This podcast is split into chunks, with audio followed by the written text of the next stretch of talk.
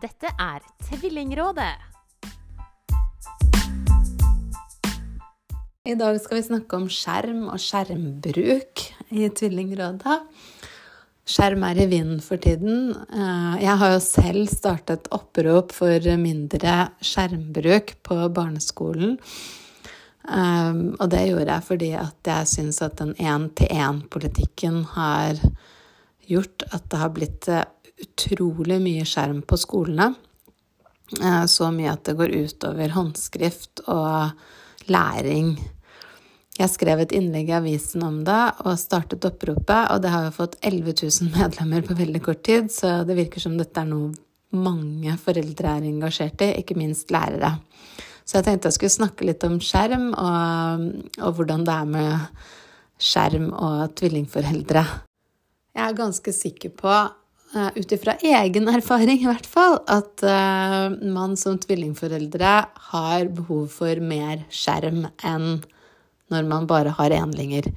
Jeg for eksempel, jeg hadde fire enlinger, og vi har aldri sett på TV når vi spiser. Det har ikke skjedd. Det har vært helt sånn fy-fy. Når vi spiser, skal vi snakke sammen, vi skal ha et koselig måltid og høre hvordan dagen har vært. Og det har vi alltid gjort, og det har alltid gått bra inntil de to tvillingene kom. Da ble det altså så vanskelig å få matro Eh, at når tvillingene var sånn seks-syv måneder allerede, så begynte vi å sette på Baby Shark og, Choo-Choo-TV, som var det eneste de likte å se på, da vi spiste. Det var rett og slett den eneste måten uh, for at vi andre skulle kunne snakke sammen og, og, ha et rolig måltid. Ellers så satt de og skrek og hylte og tok all oppmerksomheten. Så da bestemte jeg og mannen min oss for at eh, vi får bare svelge ned de store prinsippene, som vi også har gjort med mange andre ting etter at vi ble tvillingforeldre, for å si det sånn. Og sette på TV-en når vi spiser. Og det var redningen for oss. Eh, jeg er jo veldig restriktiv når det gjelder skjerm ellers. Ingen av barna mine har telefoner før de blir 13 år.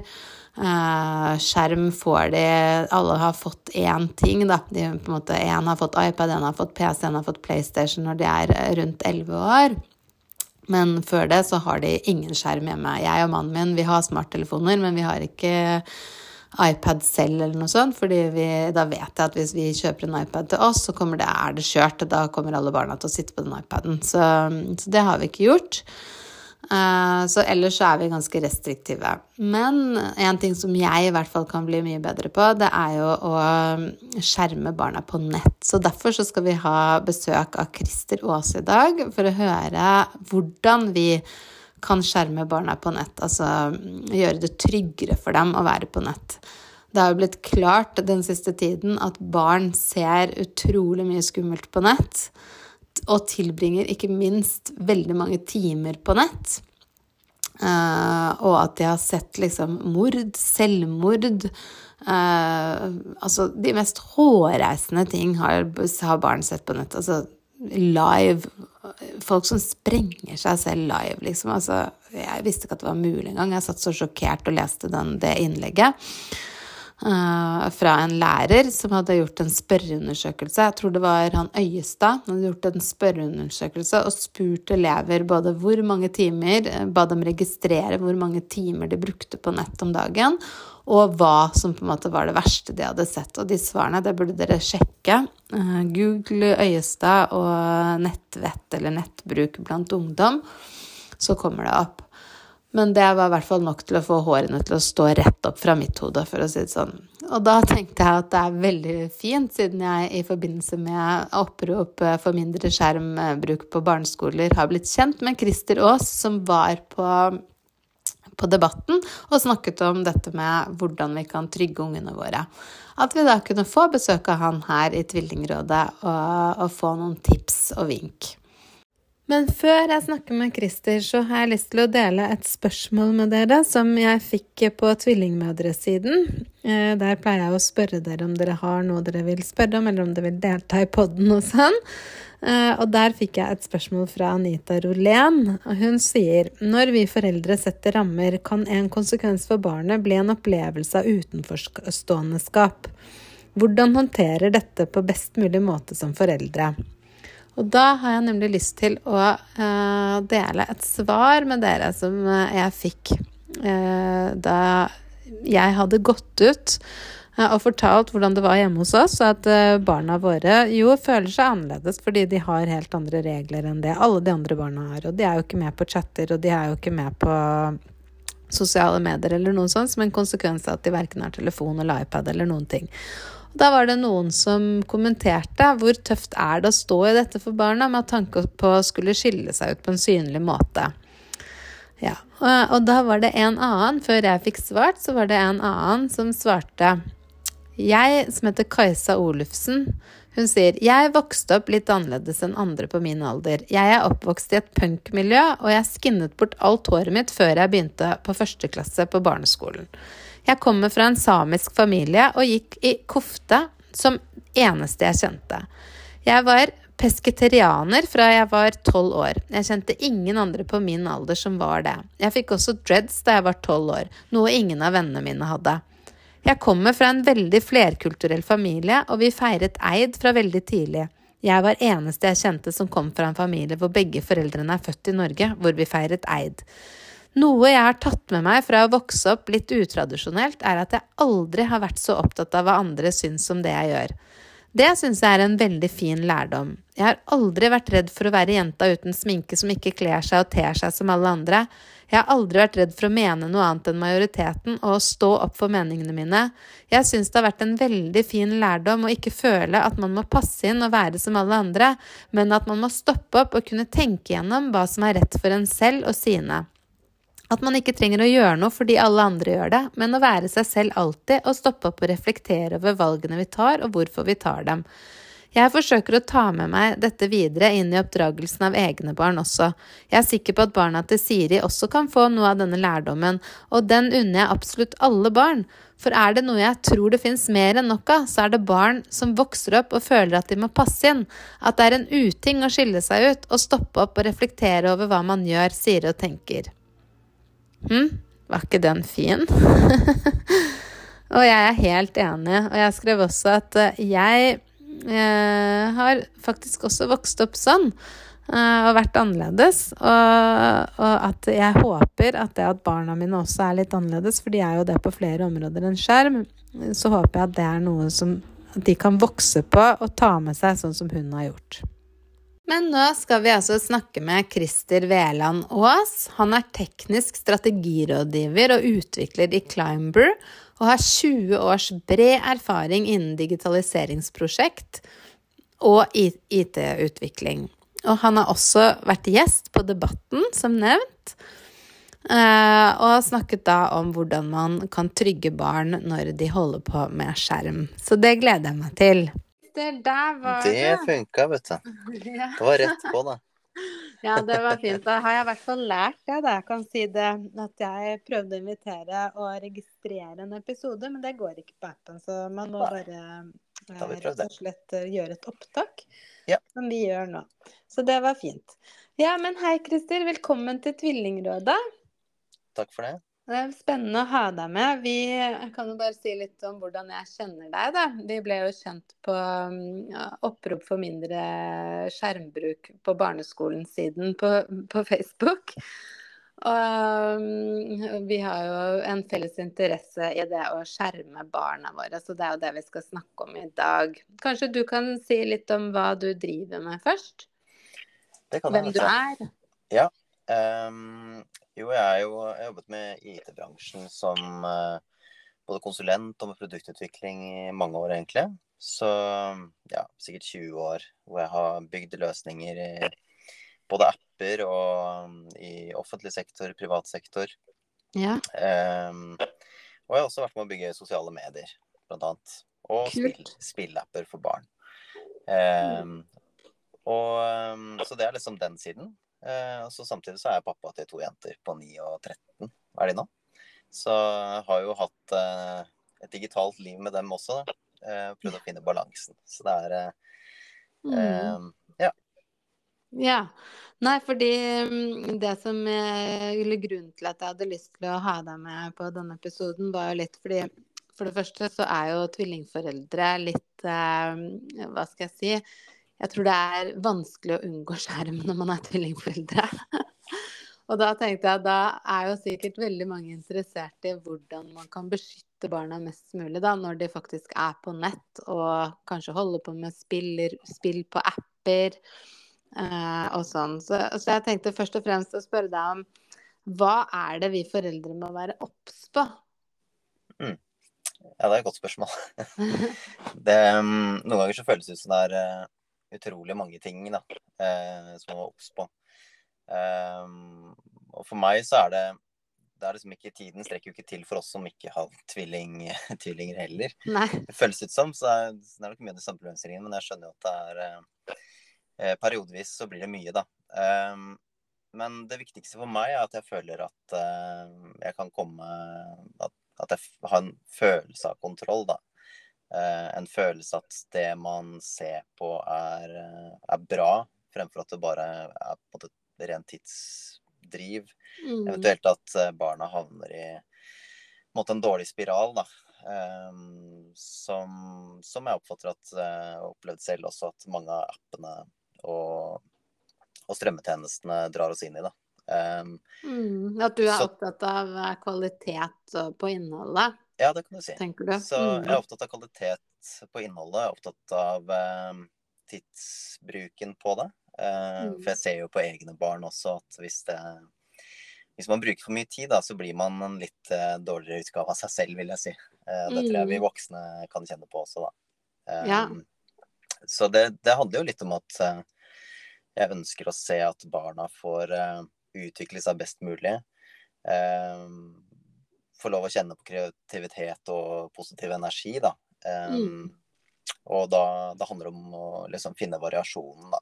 Da tenker du når de er borte fra nett, men jeg tenker liksom mm. på hvordan man skal beskytte dem når de er på nett.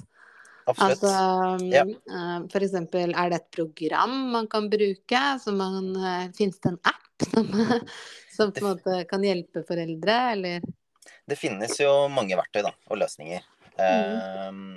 Og så er det kanskje ikke så lett å finne alle disse verktøyene på egen hånd. Nei, det er det. Så jeg har, fordi jeg har litt erfaring fra IT-bransjen, og så er jeg sånn grunnleggende nysgjerrig, så prøver jeg masse forskjellige løsninger hjemme. Uh, og da har jeg kommet fram til noen sånne ganske greie tips, tror jeg, um, til foreldre. Så det ene er jo, er jo uh, Altså, ja, vi har jo også masse forskjellige dingser hjemme, da. Så du har jo kanskje en Apple TV, du har en Chromecast, du kan ha en Xbox, PlayStation. Mm. Eh, så har man iPader og nettbrett og telefoner av ulike typer, da. Um, og så er det kanskje på en måte litt sånn kontroversielt å si prøve å velge et økosystem. Um, Hva betyr økosystem? Ja, det, et økosystem så tenker jeg ofte så har man noen familier har veldig mye sånn Vi har bare Apple-dingser, f.eks. Um, mm. Og andre har bare Google-dingser. Ja. Uh, er det smart? Det er faktisk smart som foreldre. Uh, ja. Og det er ikke fordi det ene er bedre enn det andre, men det er fordi det er lettere å styre og få oversikt over dingsene. Så hvis det er på en måte formålet, så, føl, så er i hvert fall min erfaring at man får bedre kontroll uh, ved ja. å velge ett system, da. Ja, for da er det bare én som på en måte følger med på deg? Kanskje? Ja, eller noe sånt? Ja, ja sånn som hos uh, Eller sporer det du holder på med. Ja, hos oss for eksempel så hadde jeg Android-telefonen gjennom jobben, og kona mi hadde Android, ungene hadde iPader. Uh, I praksis da så var det veldig vanskelig for oss å følge med på de iPadene uten å måtte gå fysisk inn da, uh, på de og få tilgang til de. Uh, når vi, så tok jeg et valg, så tenkte jeg at det her har jeg lyst til å styre litt mer. Jeg har lyst på litt bedre oversikt. Um, og da investerte vi iPhones til oss selv, for vi skjønte at iPader funker bra på barn eh, med apper. Um, og da kunne vi begynne å ta i bruk skjermtidsfunksjonen da, som Apple lager. Oh, ja, er det bare Apple som har den? Eh, nei. nei. Eh, Google også har noe de kaller det for Family Link. Eh, Google. Okay. men som også har skjermtidsstyring. Men det funker best da med Android-enheter. Um, og så er min opplevelse, eller min egen erfaring, er at uh, det er ikke så mange som har nettbrett med Android. Um, det er mest iPader som er der ute, som brukes på barn. Mm. Um, Så jeg har ingenting å tjene på å reklamere for det. Det, det ene eller det andre, bare så det er sagt. Ja, det var bra. Så Eh. Men, men min erfaring er at det er enklere å styre og få kontroll ved å bruke samleverandør. For da er dette Mm. tettere sydd sammen, og, og det er vanskeligere å komme rundt disse mekanismene da, som skal på en måte trygge, trygge nettbruken. Da. Ja, og du Mm. sa jo nå to programmer. Kanskje du bare sender meg navnene etterpå, så kan jeg også si det i episodeinnledningen, kanskje? Absolutt. Og det Mm. også bare i samme, i samme setning, da, så programmet heter skjermtid. Men det er også et begrep, så det kan være litt forvirrende når man hører debatter og prater om skjermtid. Ja, Så er det også en app, ikke sant. Um, ja det visste jeg ikke. Så det kan være litt forvirrende, Det er sant. Så mm. um, ting er tiden man bruker sånn prinsipielt, men, men en annen ting er rett og slett appen, da. Som er den jeg snakker om nå. Ja, ikke sant? Mm. Men eh, også en, en annen ting som mange foreldre er opptatt av. En ting er jo skjermtid. Det er jo kjempeviktig for mange å få kontroll på den. Eh, Og det gjør man da ved å bruke den skjermtidsappen hvis man har Apple. Og på Google så var det Eh, Family Link, tror jeg de kaller den. Link. Ja. Mhm. Men så er det den andre tingen som vi foreldre er veldig opptatt av. Det er jo å, å få litt kontroll på hva er det barna ser når de er på nett. Er det mulig? Mm. Ja, det er jo Det er jo mulig, altså. Og når barna mine var veldig små, så følte jeg at da var det enda viktigere for meg å se litt mer detaljert på hva de ser på. Eh, Mm. Nettopp for å kunne prate med barna om det, og også kunne stoppe det. Um, Mm, vi vil jo ikke at fire, eller noen egentlig skal se en halshugging f.eks., som vi har fått vite gjennom han Høiestad. Ja. Det er det ganske mange barn som har fått sett faktisk live, liksom. Det er jo helt hårreisende. Det vil man jo ikke. Nei, så, det, så det jeg gjør aktivt der, er Da nevnte jeg jo den skjermtidsappen. Kan ta den som eksempel. Mm. Der er det da mulig å skru på innstillinger på selve enheten, da, på iPaden f.eks. At eh, man kan sette aldersgrenser på innhold. Man kan si at eh, man skal fjerne eksplisitt innhold fra søk og sånne ting. Men hvordan, altså, Unnskyld at jeg avbryter deg, men Ja. hvis man skal sette inn det, eh, Mm. da velger man ord selv, og altså aldersgrenser, hvordan, hvordan styres det på en måte? Er det, det er jo ikke noe aldersgrense på f.eks. TikTok. Så selv om Eh. du setter inn en aldersgrense, så vil vel ikke det hindre at eh, du ser halssygging på TikTok f.eks., eller? Nei, du kan si vi, vi snakker om forskjellige aldre på barn. Altså hvis vi antar at det er under 13, da, f.eks. Så, så kan man sette på aldersgrenser som gjør at du ikke du får lastet ned appen. Ja, ja. Eh, så det er mer det det går på. Eh, Mm. Og så går det på hva du bruker Safari eller Chrome nettleseren til. Eh, at det er eh, en del ting du ikke kan søke på. De innstillingene som følger med f.eks. en iPad, eh, er det jo Apple som styrer. Eh, så du kan egentlig bare aktivere det og deaktivere det, og så si liksom eh, ikke gjør det mulig å laste ned apper som har en aldersgrense over en viss alder. Ja. Eh, så det er sånn, sånn det fungerer på nettbrettene eller telefonene da, i seg selv. Ja, men, Også- tenk, men, men bare apropos Fordi veldig mange følger ikke aldersgrenser. Og det er jo jeg skal ikke liksom, det, er, det er en annen diskusjon, da, men vi vet jo at veldig mange ikke følger aldersgrenser. Men man har jo lyst til å beskytte barna sine fra innhold likevel. Er det en mulighet? Eller er man på en måte losta? Ja, det er en mulighet, men det varierer fra app til app. Ja. si, da. Så Ok, så da man, Unnskyld. Nei, så jeg tenkte hvis vi tar YouTube som eksempel, da. Ja. så er YouTube eh, Det tror jeg alle foreldre kjenner til, da. Eh, og bruker eh, Og det bruker barna mye eh, der man får tilgang. Eh, og jeg, jeg hadde ikke så veldig lyst til å gi barna mine fri tilgang på YouTube. Nettopp for å oppdage videoer som man ikke burde se, osv. Mm. Um, så det jeg gjorde der, eh, var at jeg blokkerte da med skjermtid. Så blokkerte jeg at det var mulig å gå på YouTube i nettleseren. At de måtte bruke en app. Eh, og da tilbyr jo Apple mulighet for å sette på eh, altså det de kaller for eh, YouTube restricted, da. Som er på en måte en egen innstilling. Eh, som, som gjør at eh, Google filtrerer bort voksent innhold, da. Og, og det jeg vil også anbefale, er jo egentlig da å bruke YouTube Kids og ikke YouTube eh, når vi snakker om den Eh, oh, ja. Den spesifikke appen. For YouTube er i utgangspunktet lagd for alle aldre, også voksne. Eh, derfor har de laget et eget produkt. da. Og jeg tror kanskje det er litt av erfaringen min nå, at man, man ser at de store leverandørene de kommer mer og mer med, med egne apper som er skreddersydd for barn, uten reklame, eh, hvor de luker vekk eh, skadelig innhold.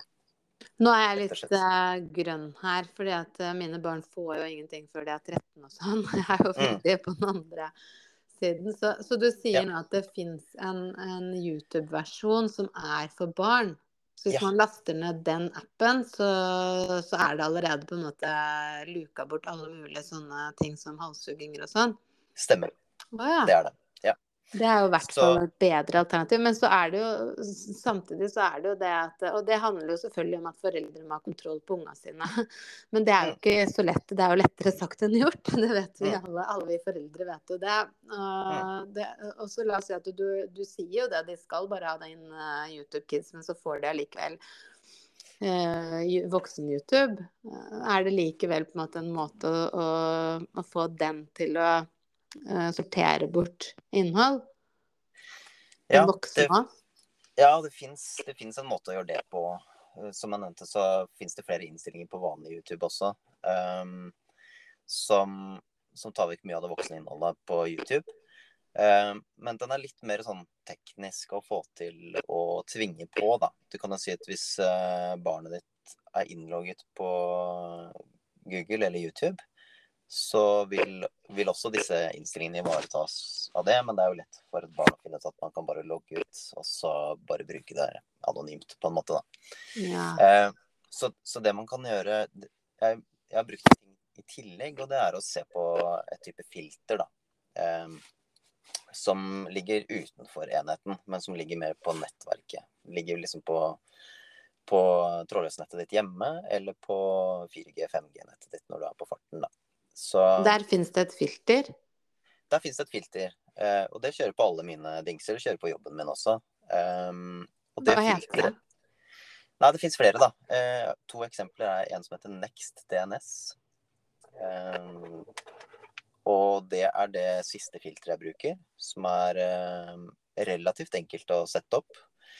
Um, så der jobber jeg med en guide som, som er for foreldre, som kan på en måte dra deg litt igjennom eh, bare stegene eh, for å få det på.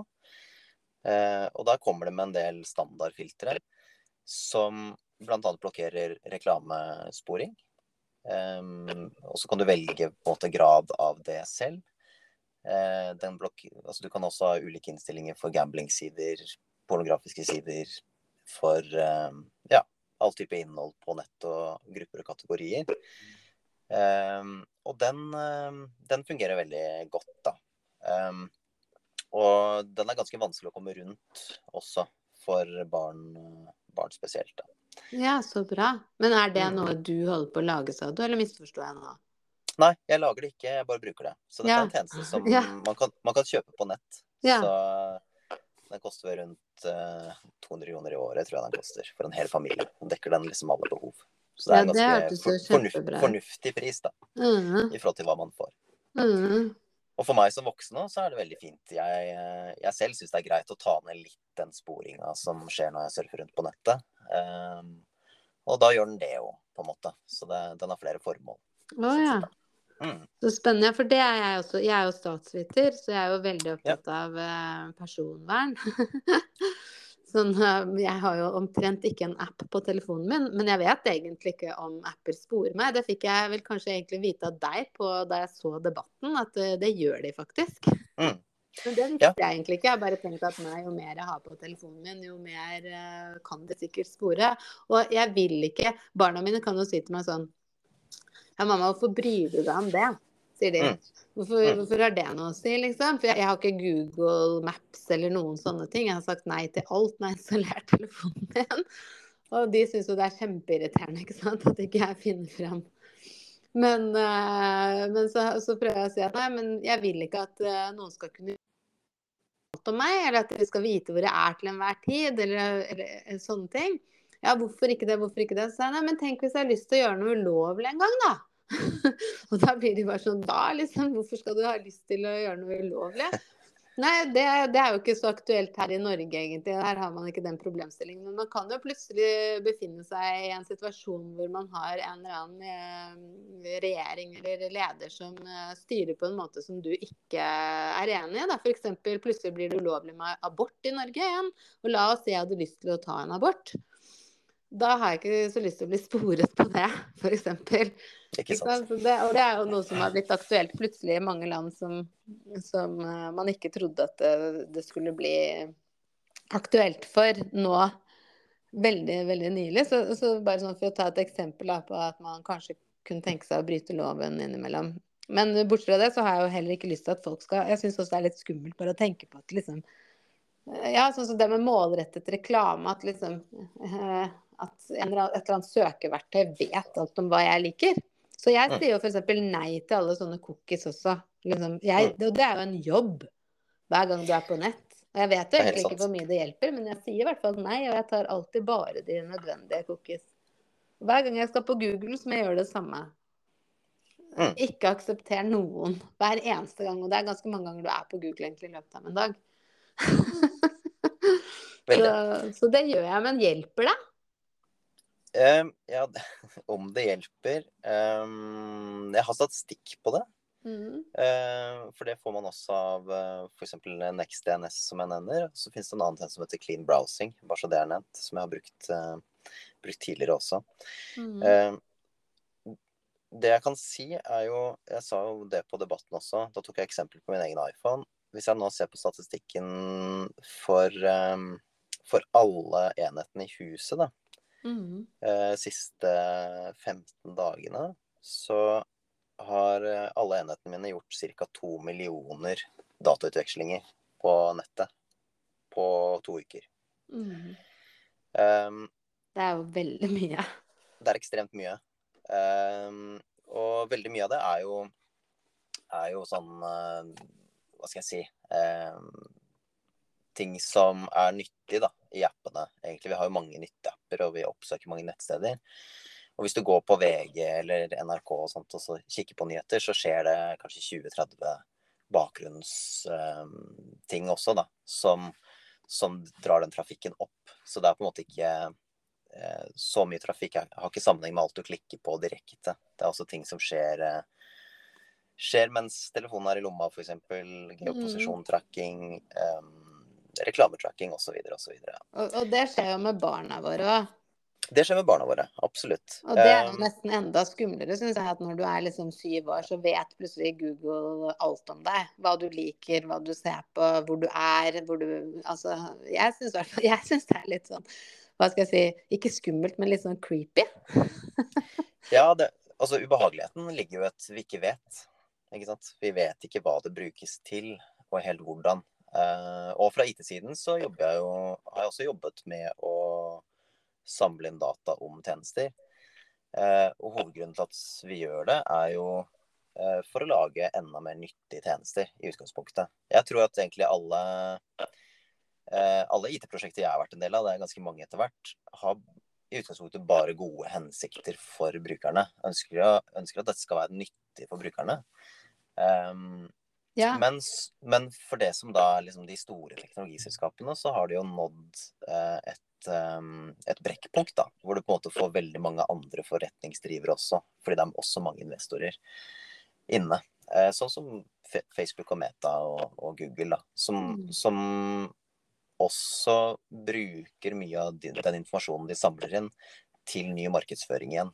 Andre veien. For det er innholdsbasert tjenester ja. de leverer, da. Så de er spesielt eh, de, de, tenker jeg man skal være spesielt varsom på passe på rettighetene sine der, da.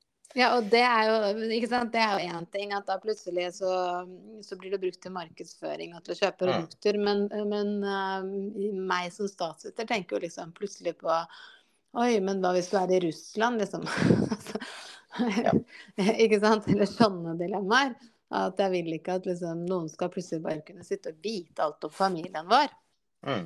Uh, som ikke burde vite det. Og ikke bare Russland, men CIA og liksom alle mulige Så det, blir, men det er sånne tanker jeg får som statsminister. Jeg vil liksom ikke at noen skal vite alt mulig om oss. Mm. Vil vil få lov å leve i fred. I fri og frihet og fred og fordragelighet. Jeg tror det du peker på, er liksom retten til privatliv, da. Ja, Eh, også digitalt. Ikke sant? Eh, og det tror jeg jeg har kjent litt på selv også. Bare det at eh, altså Som du sier, da, det er slitsomt å, å nekte alle de kukkene hele tiden. Klikk for klikk, liksom. Det blir Mm. veldig slitsomt i lengden. Eh, og jeg tror nok konkret dette verktøyet jeg nevnte, det, det hjelper med Selv om du klikker ja, så virker ikke de kukkene lenger. Eh, og det syns jeg er bra, da. Fordi jeg har egentlig aldri bedt om at jeg skal spores på tvers av nettsidene. Eh, Jeg ønsker i utgangspunktet å gå på et nettsted og bruke den tjenesten. Og så ønsker jeg veldig sjelden at det skal deles med noen andre. Da går, jeg heller, da går jeg heller dit og bruker den andre tjenesten en annen gang. Selv. Så, ja. så det er litt det, det er det denne tjenesten gjør. Den bryter opp det nettverket litt. Sånn, Ja. at, sånn at ikke den delingen blir uh, veldig mye vanskeligere, da. ja, men det er fint. Uh, så det tenker jeg er Her er det jeg fant på nettet. Oi sann. Var det Siri som kom inn? Det var Siri som uh, poppa på. Siri blander seg inn i alt. Siri blander seg på. Ja. Nei, men du, det var Mm. veldig, veldig, veldig spennende, da. Ja, jeg tenker- så, ja. Jeg skulle bare nevne at jeg tror kombinasjonen av disse verktøyene, da, et sånn sporingsverktøy på dingsene, pluss bruker skjermtidsfunksjonen på enhetene, det gir i hvert fall følelsen av større kontroll og, og privatliv, som du var inne på. Ehm, og så tenker jeg at uh, veldig mye handler også om dialog. Da. Etter hvert som barna blir eldre, så gir det meg også et verktøy for dialog. Da. Eh, For en viktig ting i skjermtidsfunksjonen er jo også at jeg kan begrense tiden, helt konkret. Så min approach er at jeg har heller vært litt hard på, på tidsbruken på appene. Um, så gi en halvtime på den appen, gi 20 minutter på den. Og så må heller barna komme og spørre om mer, og så kan vi heller ta den praten. Mm. Så det har vært eh, min approach, og det syns jeg har fungert ganske godt. Det tror jeg egentlig barna er enig i også. Vi har pratet mye om det. Ja. ja, men Mm. det er et eh, bra tips. Mm. Men, eh, men du sa også på debatten at uh, man burde logge seg på. Mens jeg har på en måte tenkt motsatt, jeg. At man burde ikke logge seg på, for da vet jeg i hvert fall ikke hvem du er. Men, Ja, er litt- men du hadde gode argumenter for hvorfor barna burde logge seg på. Kan du Ja, ta den- den for oss Ja, jeg, kan, jeg, jeg kan ta den, for jeg rakk ikke å si så mye om det på debatten egentlig. Det ble bare en sånn setning. Og det Mhm. høres kanskje litt sånn motsatt ut, som du er eh, nesten litt selvmotsigende. Um, men grunnen til at man skal logge på, tenker jeg, da, det um, Når barna mine har en iPad, så er de logget inn med seg selv, f.eks. Grunnen til det er at da kan Apple, Google og de andre tjenestene Da vil de tilpasse For de er lovpålagt å måtte tilpasse bl.a. personvernet til barna og bruken deres og den enheten de er på, da, når de er logget inn. Um, og dette er da personvernlovgivningen i Norge og i EU, som kalles for GDPR, som jeg tror mange som jobber i, i eh, bedrifter kjenner til eh, de siste årene. Men som vi kanskje ikke kjenner så godt til privat. da. Eh, Men den er ganske, det er en ganske streng lovgivning da, for selskaper, også amerikanske selskaper som har jobbet jobber med, med kunder i Norge og i Europa. Som gjør at dataene må lagres i Europa. Um, og de har i utgangspunktet ikke rett til innsyn i det heller, som amerikanske selskaper. da. Mm. Um, men hvis man ikke er logget inn, da, så har man i utgangspunktet ingen rettigheter. Og det er derfor jeg mener det er viktig å logge inn. For da får, man rett, da får man rettigheter. Og så kan du si det vil alltid være en tillitsgreie da, mellom de tjenestene du bruker og, og deg selv. Så der må man jo gjøre en vurdering, selvfølgelig. Er dette et kjent selskap? Um, har det en god track record? Osv. osv. Mm. Men idet du logger inn, så kan du alltid vite at de er også fanget av uh, personvernlovgivningen i Norge og må følge den. Ja, det er jo et kjempepoeng. Mm. Ja. ja, men det Eh, var Og et, og et eksempel er hvis du logger inn også f.eks. på Google, og, og så, går du, så går barnet ditt på vanlig YouTube igjen da, når du har logget inn, så vil du få beskjed om at denne tjenesten er ikke for deg. Da. Du får ikke lov å bruke den. Å, da får du ikke gå på vanlig Google engang? Nei. Nei, YouTube, mener jeg. Mm. Så Google henviser da til YouTube Kids. Ja. ja, men det er jo veldig bra, da. Mm. Så det kan hende mange vet det, jeg vet ikke jeg. fordi jeg, For meg så er det jo på en måte ikke helt aktuelt ennå. Eller det har ikke vært så veldig aktuelt siden mine barn jo er 13 før de Ja. har fått ting. Nei, men jeg, jeg tror du vil oppleve at um, f.eks. med en iPad registrerer Registrer barnet ditt for den det er, med riktig årstall. Um, for Apple er, eh, må følge personvernlovgivningen, og da vil du merke at iPaden også oppfører seg litt annerledes. Den, den vil eh, bli koblet inn i et familiesystem enklere, osv. Så, videre. så så Det er veldig bra tips. Det det skal jeg gjøre. fordi det er et klart råd. Ja, det kjempe, det var kjempesmart. Nå da har du fått meg Mm. til å endre mening. Jeg endrer Ja. nemlig mening når jeg skjønner at jeg har tatt feil. Eller hva som er viktigere, da. For det er jo mye viktigere for meg å få eh, vern, Ja, en, eller at barna skal få vern, enn at eh, de skal være anonyme og ikke bli sporet. For de blir jo uansett sporet. ja. nettopp. Så det, det å få vern er jo kjempeviktig. Så det skal jeg gjøre med en gang. ikke sant? Og det, Ja. det var det andre, den andre siden av poenget, er nettopp det du sa, at eh, de blir sporet uansett. Men hvis de ikke er logget inn, så er det på en måte carte blanche for eh, de store tekstselskapene til å, til å bruke alt mulig av trackere som de kan, og sporing. For da er de som anonyme voksne på nettet. Da Ja. finnes det ikke noe personvernlovgivning som, kan, kan, som gir deg rettigheter. Da. Beskytte dem. Mm. Mm. Nei, men tusen takk, Christer. Dette var veldig bra. eh, og veldig hyggelig å ha deg på besøk. Kanskje jeg spør deg igjen. Det må du gjerne gjøre. Det var veldig Ja. hyggelig å komme. Um, og så skal du jo starte, ta med det på slutten. Du, skal jo, du holder på å sette opp en webside nå hvor man kan gå og få litt eh, svar på det man lurer på, ikke sant? Stemmer. Ja, så Kommer noen sånne enkle tips der. Ja, og den tenkte jeg at jeg legger ut adressen til på starten av episoden. Så hvis folk har behov for mer, eller eh, vil på en måte dykke dypere ned i problemstillingene, så kan de gå inn der. Supert. Ja, men tusen takk, Christer. Ha en fin dag. Bare hyggelig. Takk likeså. Ha det. Ha det. Og nå skal vi over til å snakke med Lise Johnsen. Hun har tre barn, Storm på fire og tvillingene Odin og Trym på to og et halvt. Og så er hun fast snapper for Tvillingmafiaen. Det er en eh, kjempemorsom snap-konto som alle som har lyst, kan gå og følge og se på hvis dere vil. Hei, velkommen til Tvillingrådet. Tusen takk. Ja, i dag så snakker vi om skjerm, og um, tenkte å høre litt på hvordan forskjellige familier gjør dette med skjerm, eller løser det hjemme, da. Og da har jeg hørt at eh, dere har ikke sånn veldig mange restriksjoner når det kommer til skjerm, eller? Nei, det er eh, nesten fritt bruk, egentlig. Men selvfølgelig innenfor rimelighetens grenser, da. Ja. Og hva, hva skjer da? Altså, hvor mye Nei. bruker de skjerm da? Altså, nå er de jo i barnehagen og har lange dager der. Så når vi starter dagen med frokost hjemme, så får de sitte med hver sin iPad og spise frokostblanding. Mm. Men når vi da skal ut av huset, så pleier det å gå ganske greit å legge fra seg den. Ja. Mm. Og når de kommer hjem og i helgene og sånn, da? Ja, når vi kommer hjem, så begynner jo vi foreldre rett på middagen gjerne. Og da finner, finner de iPadene sine selv på kjøkkenbenken, og så sitter de og slapper av. Ja. Det Og- samme i helgene også, egentlig. Ja.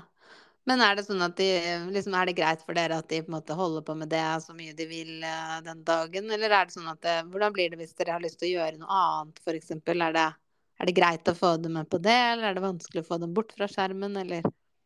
Altså, jeg ser jo ingen tegn til noe skjermavhengighet her. For det, de er jo utvilsomt veldig aktive eh, i alle andre minutter av døgnet. Ja. Så det, de løper gjerne opp på lekerommet i andre etasje. Og vil heller leke der enn å sitte på iPaden. Mhm. Så det er ikke sånn at de på en måte sitter på iPaden hele dagen eller på TV-en eller. De, hvis de får, når de får muligheten til det. De legger det bort og, og velger en annen type lek selv. Ja, jeg syns de er veldig flinke til å regulere den stillesittingen. Mm. Men er du på en måte opptatt av innhold, eller eh, styrer de det ganske mye selv også? Eller har du på en måte noe, noen retningslinjer der, eller? Så vi hadde faktisk en periode så hadde vi den kalle vanlige YouTube-appen på iPaden til storebror.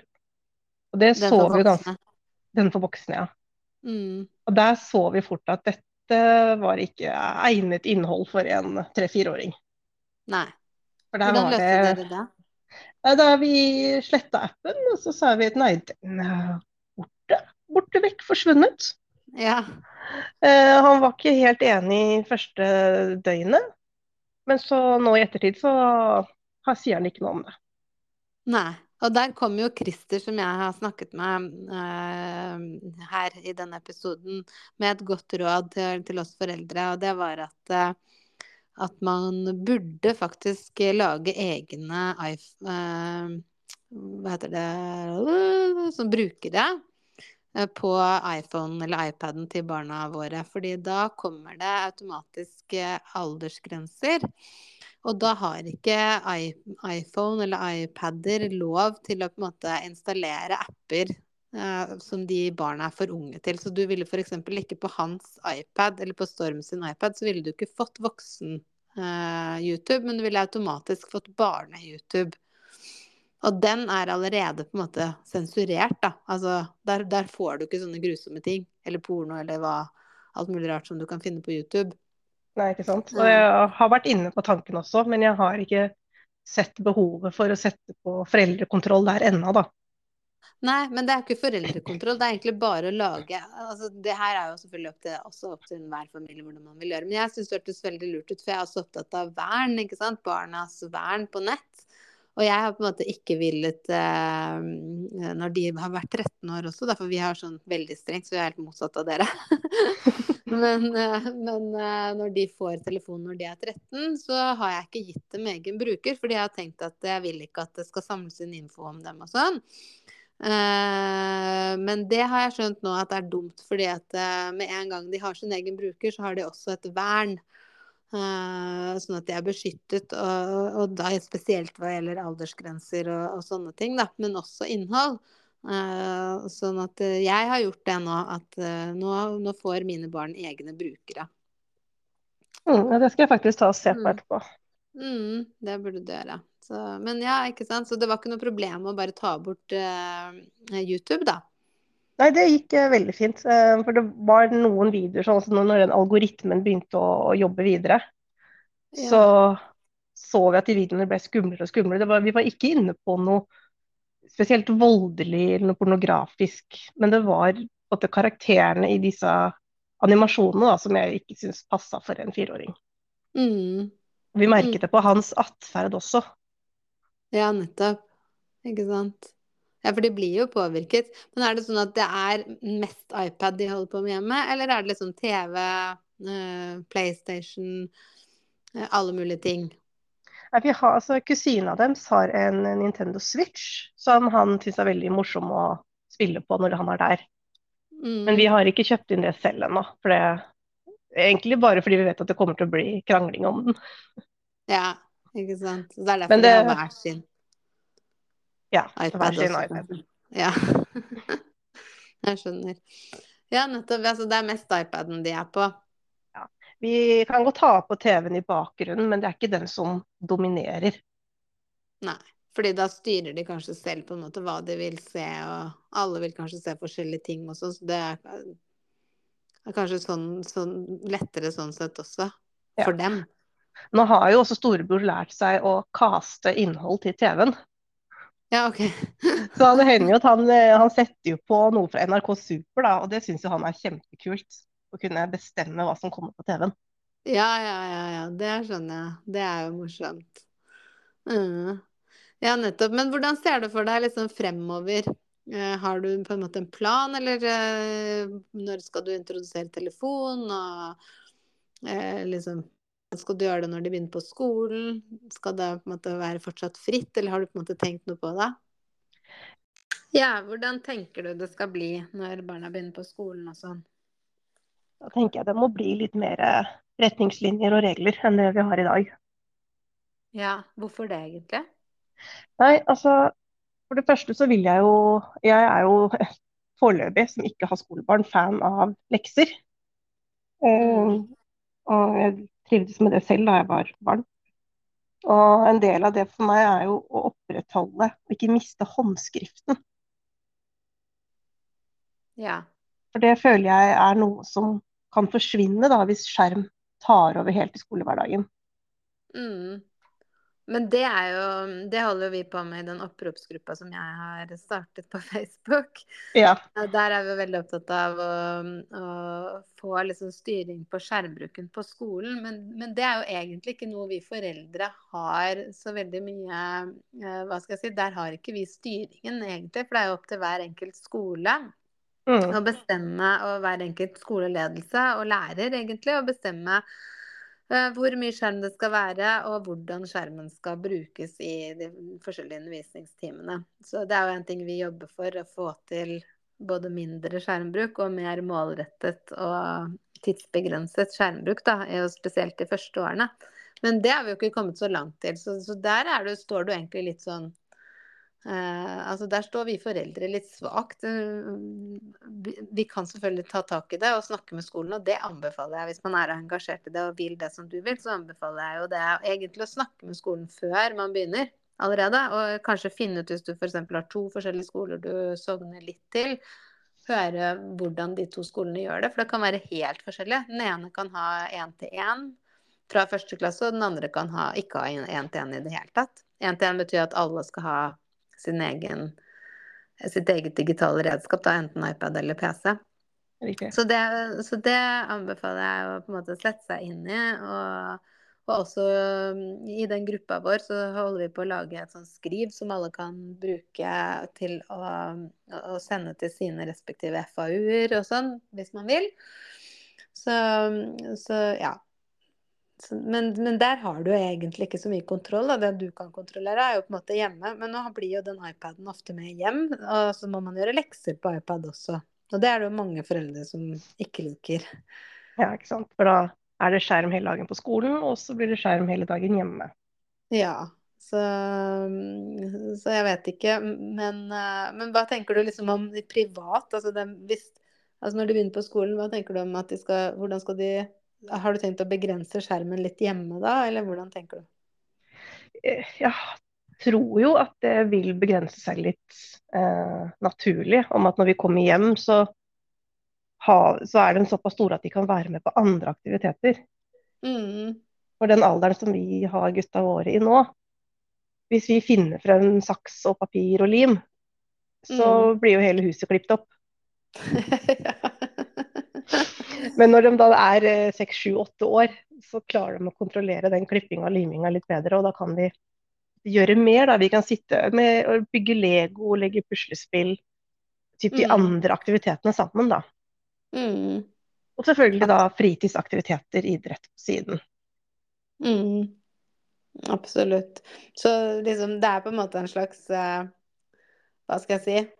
Litt en redning, akkurat sånn som det er nå. Da. Det har det vært for oss også. Altså, for eksempel vi, vi har jo aldri sett på TV når vi har spist mat før med noen av barna. Det har vært sånn skikkelig fy-fy. Men når vi fikk tvillingene, så gikk jo det rett i vasken. Sånn. ja, nei, altså Før jeg ble gravid med førstemann, så han skulle jo aldri få egen skjerm. Han skulle i hvert fall ikke spise på McDonald's. Altså, det var ikke måte på. Så nå kan vi ta med hele bølingen på Mækkern bare for å drive tid, ikke sant? Ja. Det er, og det er tøft å være tvillingforeldre, altså spesielt når de er små. Så, så jeg mener jeg, jeg ser absolutt at uh, vi, vi, vi, må ha noen pauser. Kanskje særlig vi som har gutter. jeg, jeg tror at gutter er mer å håndtere enn jenter sånn gjennomsnittlig. Ja, i hvert fall når de er små. De er liksom så høyt og lavt og ut og inn. Og, ikke sant? Jeg har jo to jenter også, de er jo ikke tvillinger. Men, eh, men jeg ser jo veldig stor forskjell på både alle fire gutta jeg har og, og jentene. Og det er jo mye mer fysisk da med gutter. Og når de er tvillinger i tillegg Og du har jo en som er liksom ganske tett med dem også, så de er jo tre bestevenner hjemme. Ja. Og tre fiender. Ja, ikke sant. Tre. Ja, men er det ikke bestevenn noen ganger fiender også? det, er, eh, det, er, mye søskenkrangling, og så er ja. det liksom små friske pust av søskenkjærlighet. Jeg hadde jo eh, Han eldste gutten min, han hadde jeg alene Altså, han var åtte år da han fikk søsken, så han var jo enebarn fram til han ble åtte. Og jeg husker veldig godt når han hadde venner med seg hjem. Da var det så deilig når den vennen kunne gå igjen. men det, det, har jeg tenkt med gutta mine nå. De, de, går jo, de, de er jo bestevenner, men bestevennen går aldri hjem.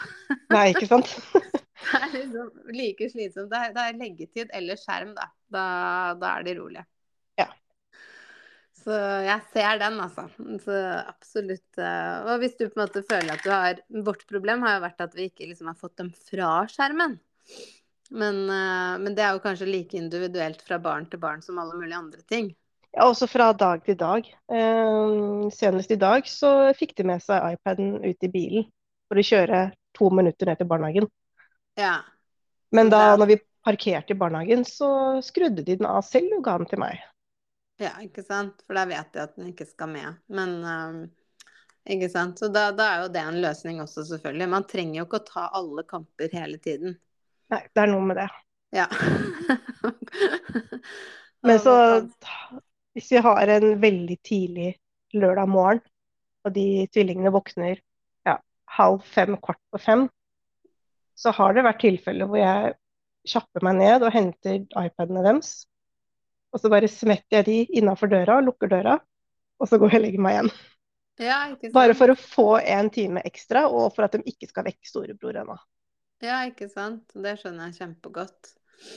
Og jeg mener, våre tvillinger våkna fire. Ja, ikke sant. så det, det, var fram til de var tre. Nå er det sånn halv seks, fem, halv seks, da.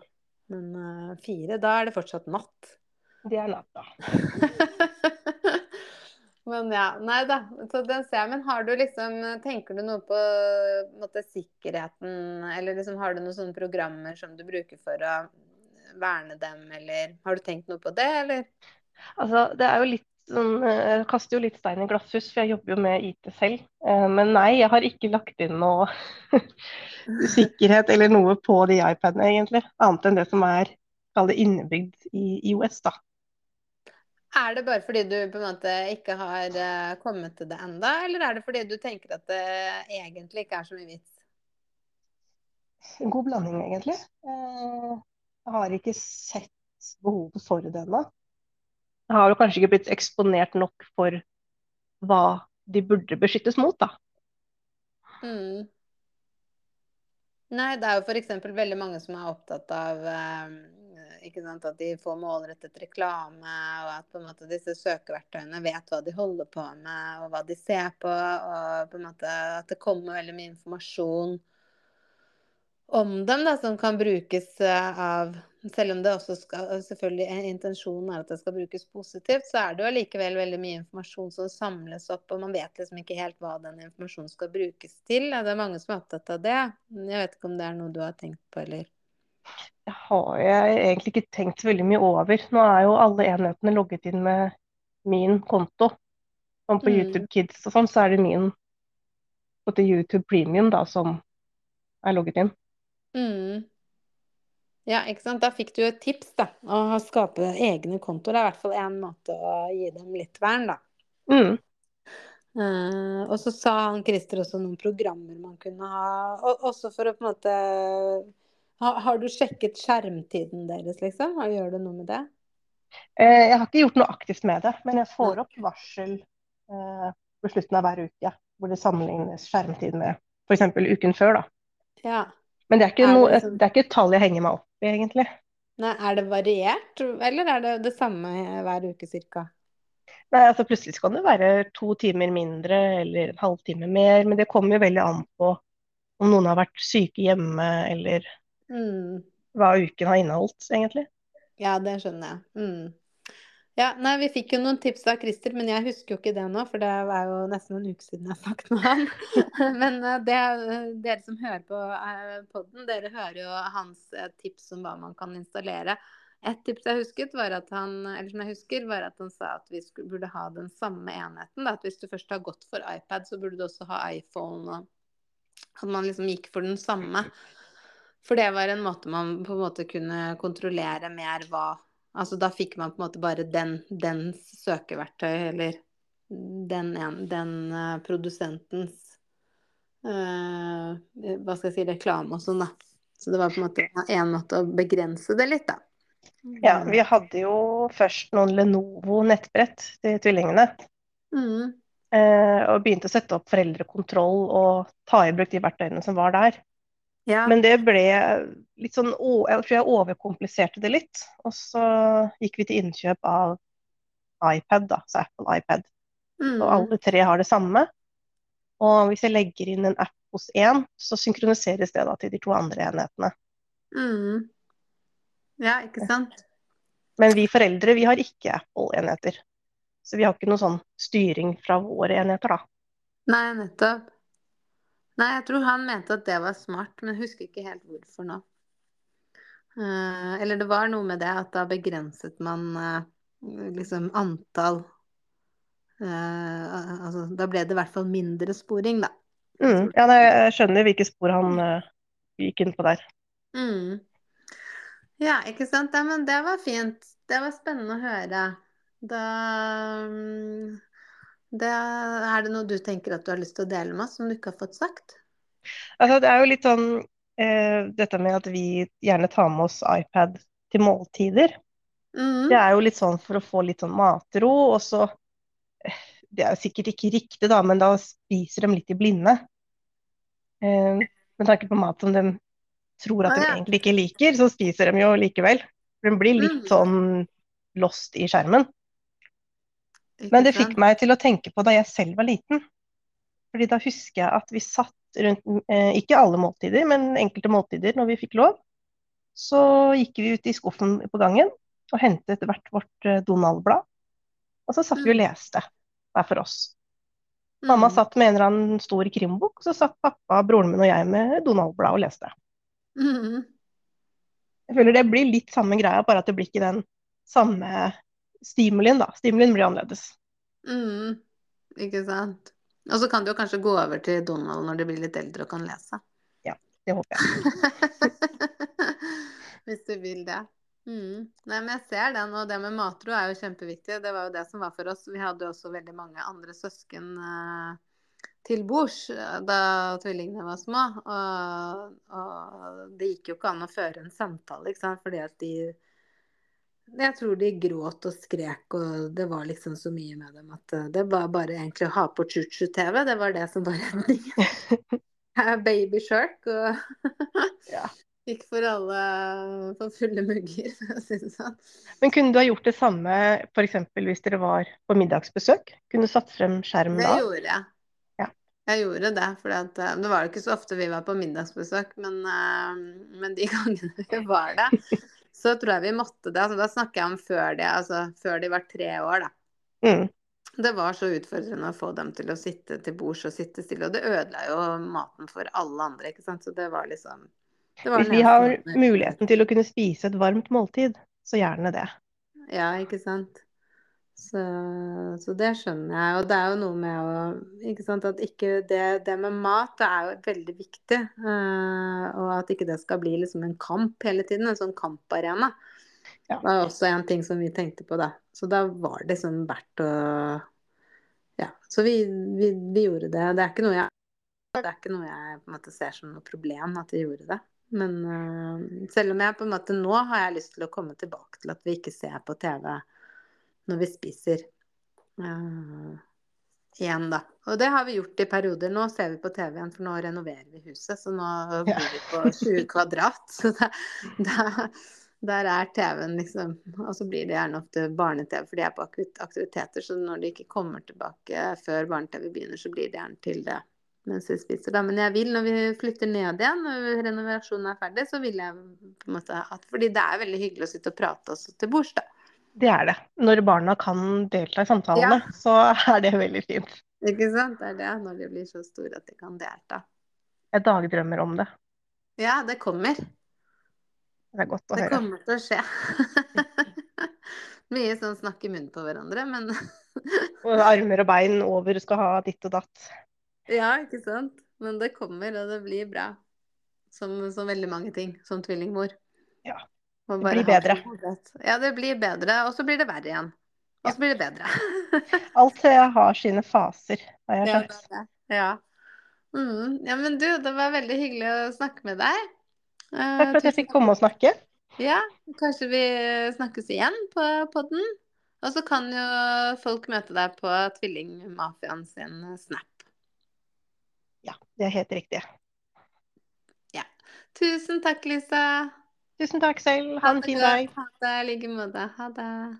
Hvis du har lyst til å høre mer fra meg, hvordan livet vårt er, hvordan tvillinglivet er, hva jeg driver med til daglig, så kan du følge meg på Instagram på Siri Sjogren Selmer eller TikTok, samme brukernavn. Eller du kan høre episode to av sesong fire i denne podkasten.